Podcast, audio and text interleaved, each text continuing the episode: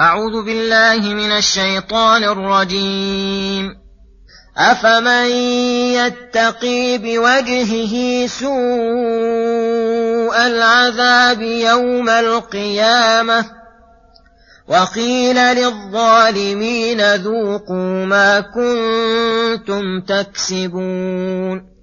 كذب الذين من قبلهم فأتاهم العذاب من حيث لا يشعرون فأذاقهم الله الخزي في الحياة الدنيا ولعذاب الآخرة أكبر لو كانوا يعلمون ولقد ضربنا للناس في هذا القرآن من كل مثل لعلهم يتذكرون قرآنا عربيا غير ذي عوج لعلهم يتقون ضرب الله مثلا رجلا فيه شركاء متشاكسون ورجلا سلما لرجل هل يستويان مثلا؟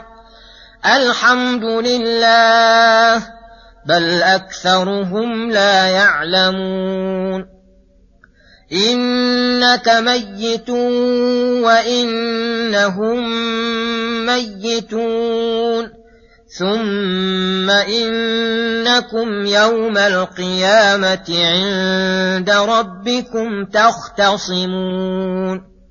فمن أظلم ممن كذب على الله وكذب بالصدق إذ جاءه. أليس في جهنم مثوى للكافرين؟ والذي جاء بالصدق وصدق به أولئك هم المتقون. لهم ما يشاءون عند ربهم. ذلك جزاء المحسنين. ليكفر الله عنهم أسوأ الذي عملوا ويجزيهم أجرهم بأحسن الذي كانوا يعملون. بسم الله الرحمن الرحيم. السلام عليكم ورحمة الله وبركاته. يقول الله سبحانه أفمن يتقي بوجهه سوء العذاب يوم القيامة وقيل للظالمين ذوقوا ما كنتم تكسبون. أي هل يستوي هذا الذي هداه الله ووفقه لسلوك الطريق الموصلة لدار كرامته ومن كان في الضلال واستمر على عناده حتى قدم القيامة فجاءه العذاب العظيم. فجعل يتقي بوجهه الذي هو أشرف الأعضاء وأدنى شيء من العذاب يؤثر فيه فهو يتقي فيه سوء العذاب لأنه قد غلت يداه ورجلاه. وقيل للظالمين أنفسهم بالكفر والمعاصي توبيخا وتقريعا ذوقوا ما كنتم تكسبون. كذب الذين من قبلهم من الأمم كما كذب هؤلاء فأتاهم العذاب من حيث لا يشعرون. جاءهم في غفلة أو نهار أو هم قائلون.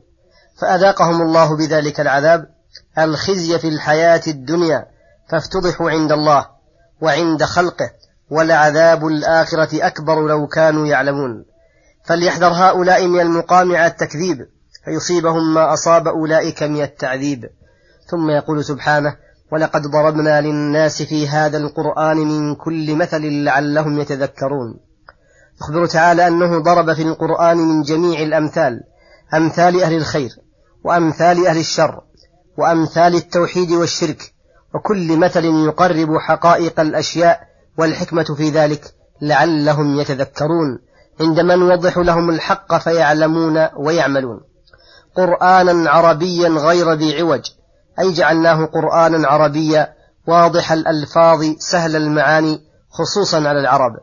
غير ذي عوج أي ليس فيه خلل ولا نقص بوجه من الوجوه لا في ألفاظه ولا في معانيه. وهذا يستلزم كمال اعتداله واستقامته كما قال تعالى الحمد لله الذي أنزل على عبده الكتاب ولم يجعل له عوجا قيما. لعلهم يتقون. الله تعالى حيث سهلنا عليهم طرق التقوى العلمية والعملية بهذا القرآن العربي المستقيم الذي ضرب الله فيه من كل مثل ثم ضرب مثلا للشرك والتوحيد فقال ضرب الله مثلا رجلا أي عبدا فيه شركاء متشاكسون فهم كثيرون وليسوا متفقين على أمر من الأمور وحالة من الحالات حتى تمكن راحته بل هم متشاكسون متنازعون فيه كل له مطلب يريد تنفيذه ويريد الآخر, غيره. فما تظن حال هذا الرجل مع هؤلاء الشركاء المتشاكسين؟ ورجلا سلما لرجل أي خالصا له قد عرف مقصود سيده وحصلت له الراحة التامة. هل يستويان؟ أي هذان الرجلان مثلا لا يستويان. كذلك المشرك فيه شركاء متشاكسون يدعو هذا ثم يدعو هذا فتراه لا يستقر له قرار ولا يطمئن قلبه في موضع. والموحد مخلص لربه. قد خلصه الله من الشركة لغيره فهو في أتم راحة وأكمل طمأنينة. هل يستويان مثلا؟ الحمد لله على تبيين الحق من الباطل وإرشاد الجهال. بل أكثرهم لا يعلمون ما يصير إليه من عذاب من جراء شركهم. إنك ميت وإنهم ميتون. أي كلكم لا بد أن يموت. وما جعلنا لبشر من قبلك الخلد أفإن مت فهم الخالدون.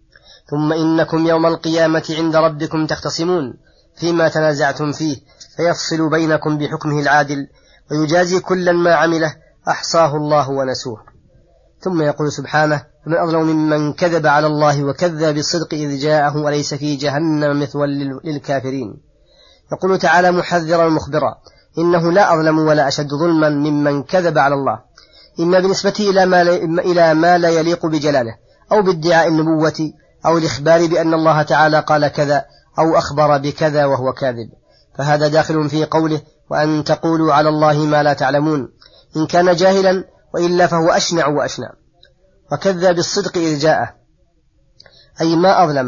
ممن جاءه الحق المؤيد بالبينات فكذبه فتكذيبه ظلم عظيم منه لأنه رد الحق بعدما تبين له. فإن كان جامعا بين الكذب على الله والتكذيب بالصدق كان ظلما على ظلم. أليس في جهنم مثوى للكافرين؟ يحصل به استشفاء منهم وأخذ حق الله من كل ظالم وكافر. إن الشرك لظلم عظيم. ولما ذكر الكاذب المكذب وجنايته وعقوبته ذكر الصادق المصدق وثوابه فقال والذي جاء بالصدق في قوله وعمله فدخل في ذلك الأنبياء. ومن قام مقامهم ممن صدق فيما قاله عن خبر الله وأحكامه. وفيما فعله من خصال الصدق وصدق به أي بالصدق لأنه قد يجيء الإنسان بالصدق ولكن لا يصدق به بسبب استكباره أو احتقاره لمن قاله وأتى به فلا بد في المدح من الصدق والتصديق. فصدقه يدل على علمه وعدله وتصديقه يدل على تواضعه وعدم استكباره. أولئك الذين وفقوا للجمع بين الأمرين هم المتقون فإن جميع خصال التقوى ترجع إلى الصدق بالحق والتصديق به. لهم ما يشاءون عند ربهم. من الثواب مما لا عين رأت ولا أذن سمعت ولا خطر على قلب بشر. فكل ما تعلقت به إرادتهم ومشيئتهم من أصناف اللذات والمشتهيات فإنه حاصل لهم معد مهيأ. ذلك جزاء المحسنين الذين يعبدون الله كأنهم يرونه فإن لم يكونوا يرونه فإنه يراهم المحسنين إلى عباد الله. ليكفر الله عنهم أسوأ الذي عملوا ويجزيهم أجرهم بأحسن الذي كانوا يعملون. وعمل الإنسان له ثلاث حالات إما أسوأ أو أحسن أو لا أسوأ ولا أحسن والقسم الأخير قسم المباحات وما لا يتعلق به ثواب ولا عقاب والأسوأ المعاصي كلها والأحسن الطاعات كلها. فبهذا التفصيل يتبين معنى الآية وأن قوله ليكفر الله عنهم أسوأ الذي عملوا أي ذنوبهم الصغار بسبب إحسانهم وتقواهم ويجزيهم أجرهم بأحسن الذي كانوا يعملون أي بحسناتهم وتقواهم. ويجزيهم أجرهم بأحسن الذي كانوا يعملون أي بحسناتهم كلها. إن الله لا يظلم مثقال ذرة وإن تك حسنة يضاعفها ويؤتي من لدنه أجرا عظيما. وصلى الله وسلم على نبينا محمد وعلى آله وصحبه أجمعين. إلى الحلقة القادمة غدا إن شاء الله. السلام عليكم ورحمة الله وبركاته.